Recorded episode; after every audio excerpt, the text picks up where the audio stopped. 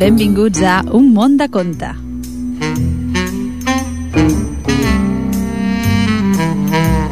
Com sabeu, el programa que fem jo mateixa, la Mar Viera, i el control tècnic, en Jordi Puy.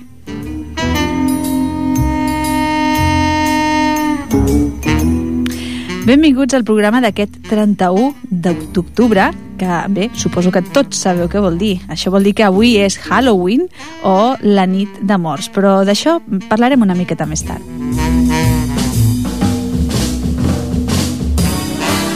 No us ho he dit, però suposo que no cal que us ho digui. Estem al 91.3 de la FM, estem a Ripollet Ràdio, a l'emissora municipal. I com sabeu, Un món de conte doncs és el programa de contes que cada dimecres està amb vosaltres de 6 a 7 de la tarda.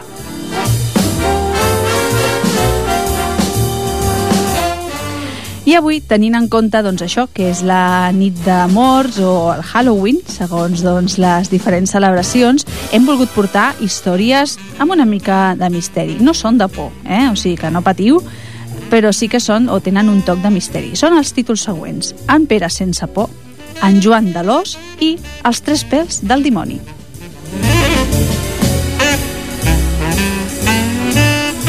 I avui, a la part musical, com no podia ser d'una altra manera, amb Michael Jackson.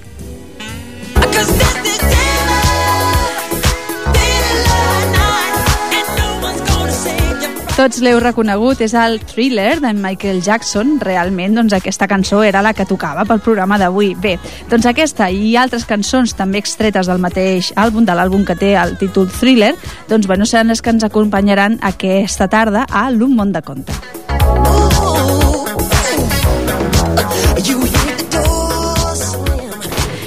Doncs bé, com us deia, avui és Halloween, avui és la nit de morts. I bé, doncs una mica us volia explicar quin és l'origen d'aquest Halloween, no? d'aquesta paraula. Doncs bé, la paraula Halloween vale, és la contracció de All Hallows Eve, val? que en realitat això el que vol dir és la víspera de Todos los Santos, o la nit de morts, com, com diem nosaltres aquí. I també és coneguda doncs, com la nit de bruixes. Eh, és aquesta nit doncs, que tots aquests éssers fantàstics, com les bruixes, els morts vivents, etc., doncs, tenen el seu protagonisme. En realitat, i en contra dels que molt, del que molts pensem, aquesta festa, el Halloween, no és d'origen americà, sinó que té un origen celta, val? és a dir, de quan els celtes realment estaven al, a la zona d'Irlanda. I se celebra principalment als Estats Units, a Canadà, a Irlanda, al Regne Unit i en països no anglosaxons com ara Mèxic i Colòmbia. Té origen en la festivitat celta del Shamain i aquesta també doncs, va relacionada amb la, amb la festivitat cristiana del Dia de Tots Sants, que en realitat és l'1 de novembre. En gran part és una celebració secular, encara que alguns consideren doncs, que té un rerefons religiós. Els immigrants irlandesos van transmetre aquestes versions o diferents maneres de celebrar la tradició a Amèrica del Nord durant la Gran Fam o la Gran Hambruna, que es coneix normalment, que va patir Irlanda doncs, l'any 1840. El dia, el dia de Halloween, precisament avui, el 31 d'octubre, eh, s'associa de vegades amb els colors taronja, negre, lila i està molt lligat a símbols com la Jacob Lantern, que és, no és una altra cosa que és aquella carbassa a la que posem a dintre una espelma o bueno, alguna cosa que fa llum i que realment doncs, bueno, té aquest toc eh, també de misteri i de vegades de por. Les activitats típiques del Halloween doncs, són el famós Truck or Treat, o Truco o Trato, i les festes de disfresses, a més a més de les fogueres, la visita a cases encantades, bromes, eh, lectures de històries de por o el visionat de pel·lícules de terror. Doncs bé, això és el que farem avui a Un món de conte. No seran històries de por, però sí seran històries amb un toc de misteri.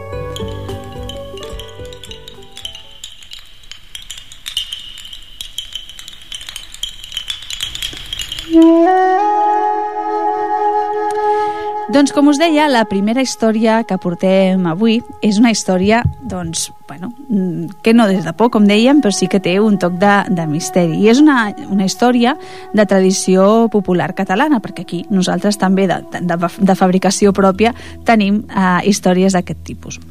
Doncs bé, la història d'en Pere sense por diu així. En Pere era un noi molt valent i decidit.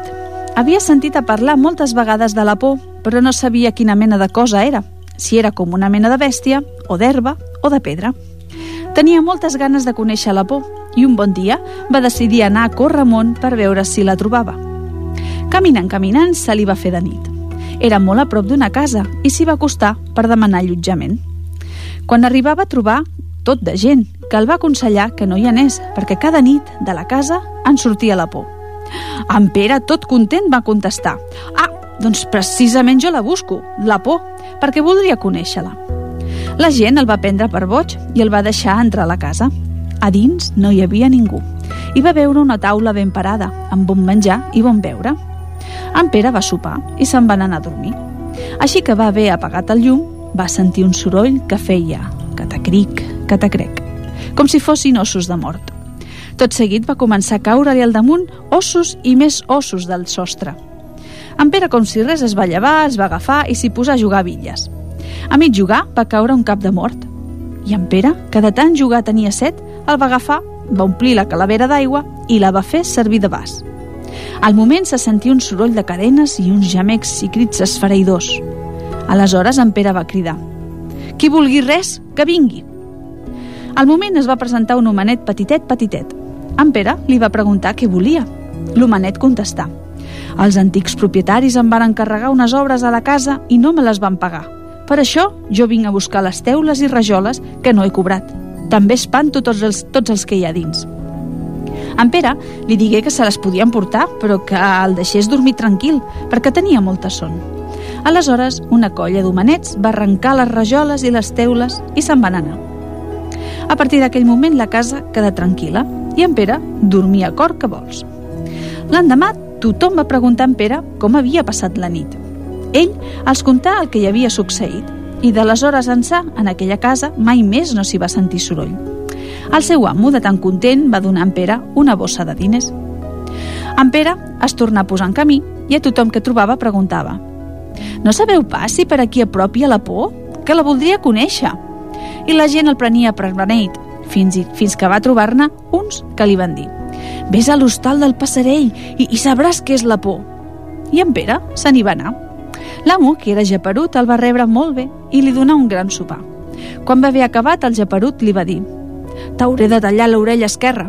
Jo tallo totes les orelles esquerres dels meus hostes perquè m'he de preparar un ungüent per tal de curar el malgep de l'esquena. És l'ungüent de ressuscitar els morts, que ho cura tot, fins i tot els caps tallats i els lleps de les esquenes. Per fer-lo necessito 300 orelles esquerres i justament ara, justament ara, només me'n falta una. Una que és la teva.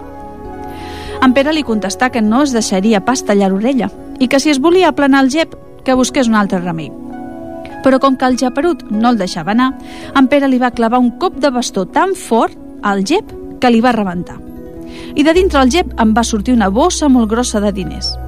El japerut de la patacada va quedar mort de cop. En Pere li talla l'orella esquerra i la va posar a dins de l'ungüent. Després se'n va anar amb l'ungüent i amb les dues bosses de diners. Camina que caminaràs, se li va fer de nit. Va veure una casa a prop i se n'hi anà. A dins no n'hi havia ningú, però al foc hi bullien tres olles molt grans amb escudella dins.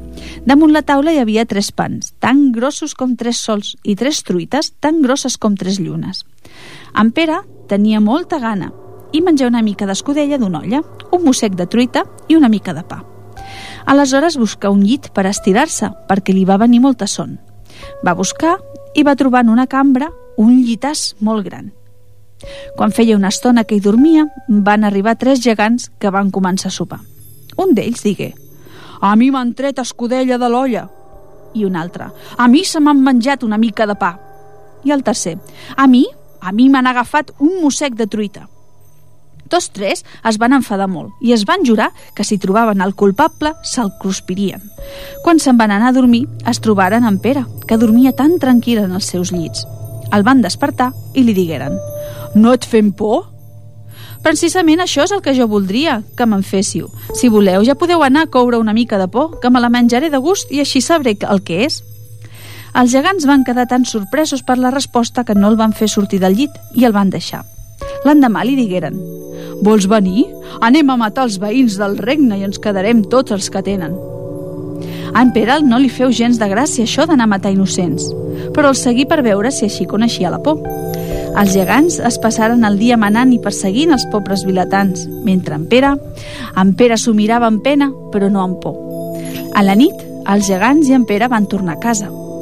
Mentre els gegants dormien, en Pere va veure dins del serró l'ungüent que ressuscitava els morts i va tenir una idea. L'endemà, quan els gegants es van despertar, els va ensenyar l'ungüent meravellós. Aquest ungüent pot enganxar els caps tallats, va explicar en Pere. No m'ho crec, va dir un d'ells. Vull veure-ho amb els meus ulls, va fer l'altre. Ho provarem amb tu, va dir el tercer. I dit i fet, li van tallar el cap en Pere. I amb l'ungüent li van tornar a enganxar en un tres i no res. Aleshores, en Pere els va proposar de provar l'ungüent amb ells mateixos. Els pobres gegants, que eren tan alts i grossos com un Sant Pau, però tan curts com una cua de conill, s'hi van a venir. En Pere els va tallar el cap, però a l'hora d'enganxar-los els va canviar de cos i els va posar al davant, al darrere. Els gegantassos, en veure's tan deformats i barrejats, es van morir de por, i el pobre Pere, sense haver conegut, encara la por. El rei de la contrada, quan va saber que els gegants que temorien i mataven els seus súbdits havien mort a mans d'un noi, el va voler conèixer. I com que era tan valent, el va voler per gendre i li oferí la mà de la seva filla, una princesa bonica com un pom de roses. Un cop casats, la princesa va saber que el gran desig d'en Pere era saber quina cosa era la por. Una nit, mentre dormia, li va tirar sobre una galleda d'aigua ben freda. El pobre Pere es despertava en esbarat i cridar «Ai, quina por! Què em passa?» I aleshores es va donar que finalment havia pogut conèixer la por. Tararat, tararat, el conte està acabat. Tiririt, tiririt, el conte ja finit. Thank you.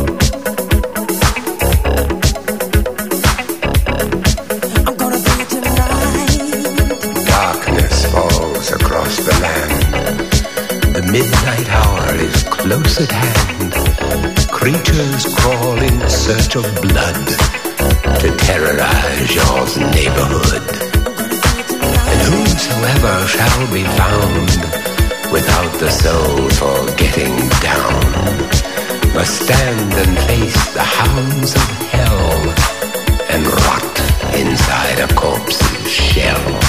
I'm gonna do it tonight. The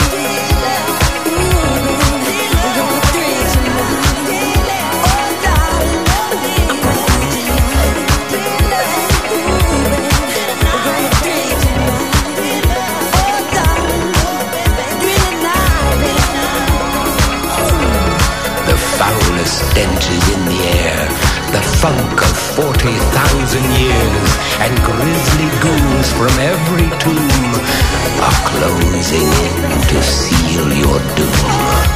And though you fight to stay alive, your body starts to shiver, for no mortal can resist the evil of the thriller.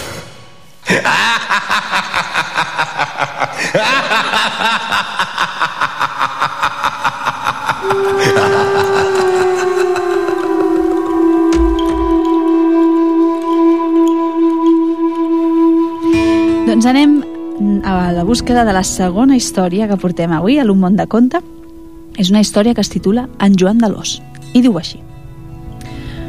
Una vegada hi havia un pare i una filla que vivien en una pobra cabana al costat d'un bosc frondós.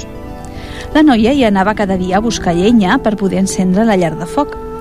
Un dia, mentre estava triant els troncs i les branques, se li va presentar un gran os. Ella fugí corrents, però l'os corria més i al final l'atrapà i se l'emportà a la seva cova. La retingué perquè no pogués escapar-se i la va fer la seva dona. Temps després, ella va tenir un nadó que era meitat home, com la seva mare, i meitat os, com el seu pare. Tenia la fesomia i el cos d'home, però era gran, gros i pelut com un os, i es va dir Joan. Com que la mare tenia molta por que l'os no fes mal al petit, el va amagar al fons de la cova i no el deixava sortir. Però en Joan va anar creixent i es va convertir en un noiet entremaliat, cansat d'estar-se tot el sant dia a dins la cova. Un dia, mentre la mare havia anat a buscar herbes per fer menjar, es va escapar. Per primera vegada va veure la llum del sol i la verdor dels arbres, va sentir l'olor de les flors i va escoltar el dolç cant dels ocells. Però de sobte, de sobte va arribar el paraós i en veure aquell noi os se'l va voler menjar. En Joan, encara que jovenet, era molt valent perquè havia heretat la força del seu pare. Se li va llançar al coll amb tanta força que li va trencar. Així l'os va caure mort. L'alegria de la mare fou molt gran i va decidir tornar al poble amb el seu fill. Però tothom se'ls mirava de manera estranya i cap nen no volia jugar amb aquella mena de monstre, meitat nen i meitat os. En Joan estava molt trist i plorava per la seva mala sort. Aleshores va pensar que podria anar a treballar i tal dit, tal fet. Se n'anà a fer de ferrer. Com que tenia tanta força movia els ferros com si fossin plomes i treballava a cor que vols. Però no tenia amics. Tothom es continuava rient d'ell i el cridaven i el xiulaven pels camins. Si el Joan de l'Os se'n va, tot el poble ballarà. En Joan podeu comptar si n'estava de tip d'aquests mals tractes. Així que un bon dia es va forjar una vara de ferro de 100 quilos i se'n va anar pel món a buscar feina i un lloc millor per viure. Pel camí es va trobar un home que arrencava els arbres més alts i grossos amb la punta dels dits. A en Joan li va agradar i li va dir «Bon home, com et dius?» «Arrencapins». «Quan guanyes cada dia?» «Cinc cèntims». «Si vens amb mi te'n donaré deu», va dir-li en Joan. L'home s'hi va venir. Poc després trobaren un altre home que parava l'orella i sentia els sorolls de darrere les muntanyes. En Joan li va plaure i li va dir «Bon home, com et dius?» «Escolti'm, escoltaina». «Quan guanyes cada dia?» «Cinc cèntims». «Si vens amb mi, te'n donaré deu», va dir-li en Joan. L'home s'hi va venir i s'ajuntà amb els altres. Una mica més enllà ensopegaren amb un homenàs amb tanta força que apartava les muntanyes per fer-se pas. A en Joan li va satisfer molt i li preguntà «Bon home, com et dius?» «Regirar muntanyes». «Ah, i quan guanyes?» «Cinc cèntims al dia». «Si vens amb mi, te'n donaré deu», va dir-li en Joan. L'home s'hi va venir. Tots quatre continuaren el camí fins que veieren uns núvols negres i molt espesos que ho cobrien tot i que es regiraven d'un lloc a l'altre. Semblava que el cel els havia de caure al damunt. Aleshores van descobrir al cim d'una muntanya un home assegut que anava bufant dels núvols, que per això anaven tan desgavellats. En Joan va pensar que aquell home feia per acompanyar-lo i li demanà «Bon home, com et dius? Bufim bufaina. I quan guanyes? Cinc cèntims al dia». «Doncs jo te'n donaré deu», va dir-li en Joan. L'home s'hi va venir i ja van ser cinc de colla. Tots feliços i contents van anar a la recerca d'un hostal perquè ja era fosc i se'ls havia despertat la gana. Caminant, caminant, van arribar a una casa i van picar la porta. En aquell moment va passar un pagès que els va dir «Ai de vosaltres si us atureu en aquesta casa, està encantada i l'amo està posaït pel dimoni». Però en Joan d'Alòs no, es tenia, no en tenia gens de por i els cinc van entrar cap a dintre. No hi van trobar ningú. Hi havia un rebost ple de pernils, llonganisses, pollastres i pans de quilo. Després de fer-se un bon menjar, se'n van anar al llit i van dormir com uns socs. L'endemà es van llevar i van sortir al bosc a buscar feina. L'arrencapins es va quedar a fer el dinar per als altres. Va agafar la parola i va posar a cuinar les farinetes. I heus aquí que mentre estava cuinant se li aparegué un home lleig com un pecat i arrugat com una pansa que va començar a tirar escopinades a l'olla de les farinetes. L'arrencapins el volia fer marxar, però l'home li va aventar unes quantes bufetades i el va deixar mig mort. Quan els altres van tornar, el van trobar estès a terra. En Joan d'Alòs se'n va riure. Ah, mira que ets poruc i ganàpia, què hi fas aquí a terra? I l'arrencapins els ho va explicar, però en Joan d'Alòs no s'ho va creure. Demà es quedarà a l'escolta i m'escoltaina, va dir. Així es va fer. Va arribar l'endemà i l'escolta i m'escoltaina va agafar la parola i va posar a cuinar les farinetes. Però va tornar a aparèixer l'home i li va fer el mateix. Va tirar escopinades a les sopes i després li clavà, li clavà un castanyot que el deixà desmaiat a terra. A l'hora de dinar, arribaren els quatre homes de treballar i es van tornar a trobar amb les sopes brutes i l'escolti mascoltaina a terra mig mort. L'endemà en Joan d'Alòs va quedar que en, re, en regirar muntanyes, que sí que tenia força, doncs es quedaria a fer el dinar. Però passa el mateix, el mateix de cada dia, perquè l'humanot era el dimoni i tenia molta força. Al quart dia s'hi va quedar el bufim bufaina i el dimoni també li embrutà les farinetes i després el va ben estabornir. En Joan d'Alòs va decidir quedar-se ell mateix per trobar-se amb aquell home lleig com un pecat i arrugat com una pansa. Tan bon punt havia començat a bullir les farinetes, es presenta l'homenot. Qui ets tu? Què busques tanta murga als meus companys? li va dir en Joan d'Alòs. Soc el dimoni i ara mateix t'arreplegaré, li va contestar amb una veu amenaçadora. Però el dimoni no comptava amb la força de Joan d'Alòs ni amb la barra de 100 quilos. Aquest li donà una patacada tan forta que el pobre dimoni va fugir amb la cua entre les cames tot ple de sang i dient «Em venjaré de tu, Joan d'Alòs! Em venjaré de tu!» Quan van arribar els seus companys, els va explicar la baralla amb el dimoni. Ara seguirem el rastre de sang que ha deixat, l'anirem a buscar i el ben estovarem perquè no vingui mai, mai, mai més, els va dir. Així ho van fer. Un regaró de sang sortia de la casa, travessava l'era, anava fins a un pou que n'hi havia al pati i es ficava cap a dins. En Joan d'Alòs, que no temia res, es va lligar a la corda del pou i va dir als seus companys «Entro cap a dintre a seguir el rastre d'aquest dimoniot. Quan estiri la corda tres vegades, m'enfileu en l'aire». A dins del pou tot era humit, fosc com la gola del llop i amb una gran pudor de sofre. Quan va arribar al fons va veure un caminet, el va anar seguint i al final va trobar un palau. El rastre de sang continuava i el va conduir a una cambra. A dins hi havia una donzella molt formosa que plorava llàgrimes de pena. «Qui ets i què et passa, donzella?», va demanar-li en Joan d'Alòs. «Soc la filla del rei i fa temps que el dimoni em té presonera. Salva'm, si us plau, et diré com ho pots fer». El dimoni vindrà i voldrà combatre amb tu. Per fer-ho portarà dues espasses, una de lluent i brillant com un mirall i una altra de rovellada i ronyosa. Te n'oferirà una i t'has de quedar amb l'espasa rovellada, així el podràs guanyar li va respondre la princesa. Aleshores se sentia aquella veu amenaçadora que va dir «On vas, desgraciat, que no veus que aquí és la casa del dimoni?» «Vull alliberar la princesa», va dir en Joan d'Alòs, més decidit que mai. «Doncs has de lluitar amb mi. Té, perquè vegis que el dimoni també pot ser honrat, et deixo triar l'espassa. Quina vols?» En Joan d'Alòs va contestar «En tinc prou amb aquesta tan rovellada». L'espasa pesava molt i tenia una fulla oscada, però en Joan d'Alòs, amb la força que tenia, va aixecar-la com qui agafa un fi punyal i la va clavar a la panxa del dimoniot. Aquest va quedar estès a terra. En Joan d'Alòs li va tallar l'orella i se la va guardar a la butxaca.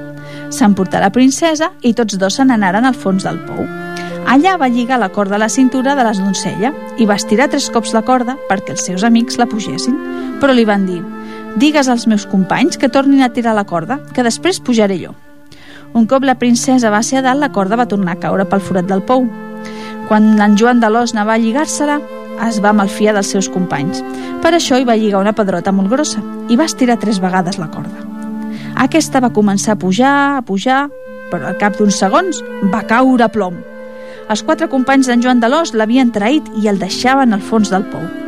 Ell volia tornar la princesa al palau per, cobrir un, per cobrar una bona fortuna. Què faré ara per sortir d'aquí? va dir en Joan de l'Os tot preocupat. Aleshores es va posar la mà a la butxaca i va trobar l'orella que havia tallat el dimoni. La va prema ben fort i va exclamar «Orella de pèl tou, treu-me del fons del pou». A l'instant es va trobar a l'aire lliure. Content i feliç, es dirigí cap a Palau. Quina va ser la sorpresa dels quatre galifardeus quan van veure en Joan de l'Os. Van arrencar a córrer, però ell, enrabiat, els perseguí i els clavà tal cop amb la vara de 100 quilos que mai més no se'n sentí cantar ni gall ni gallina. El rei, en veure'l tan valent i decidit, li va donar la mà de la seva filla. I si no són morts, és que encara són vius, i si no són vius, és que ja són morts. They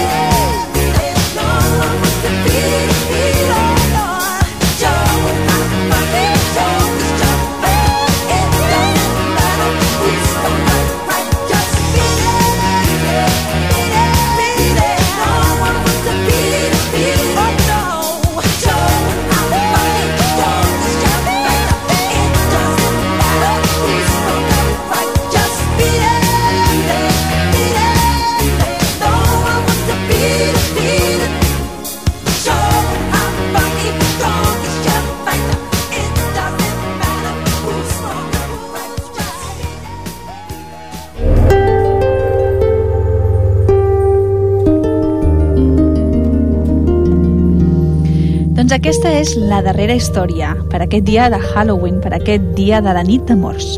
El títol d'aquesta darrera història és Els tres pèls del dimoni, i diu així.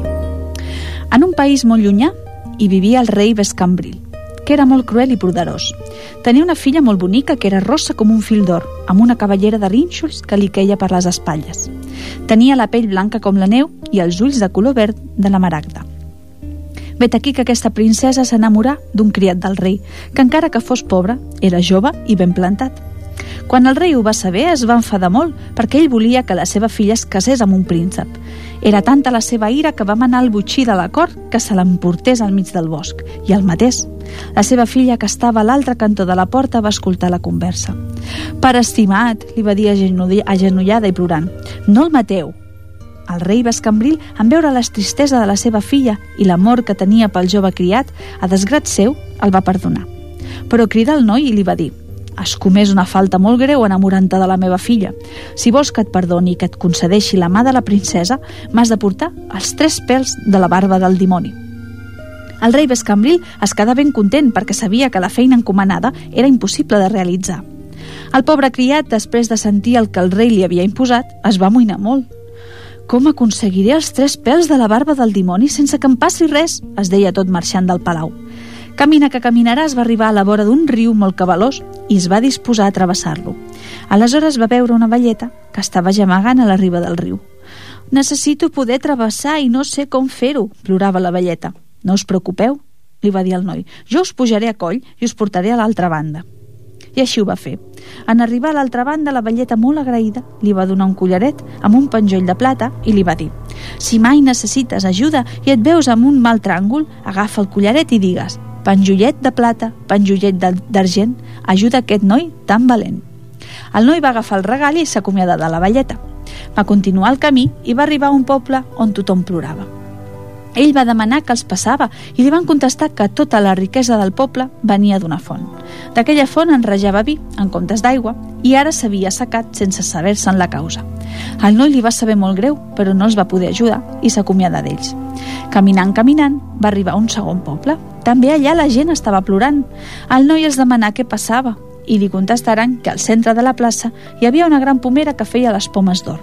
Aquesta pomera ara s'havia assecat sense saber-se'n la causa. El noi li va saber molt greu, però tampoc els va poder ajudar i s'acomiada d'ells. Sense parar de caminar arribà a una gran ciutat. Per totes les finestres i balcons penjaven domassos negres de dol i la gent plorava pels carrers.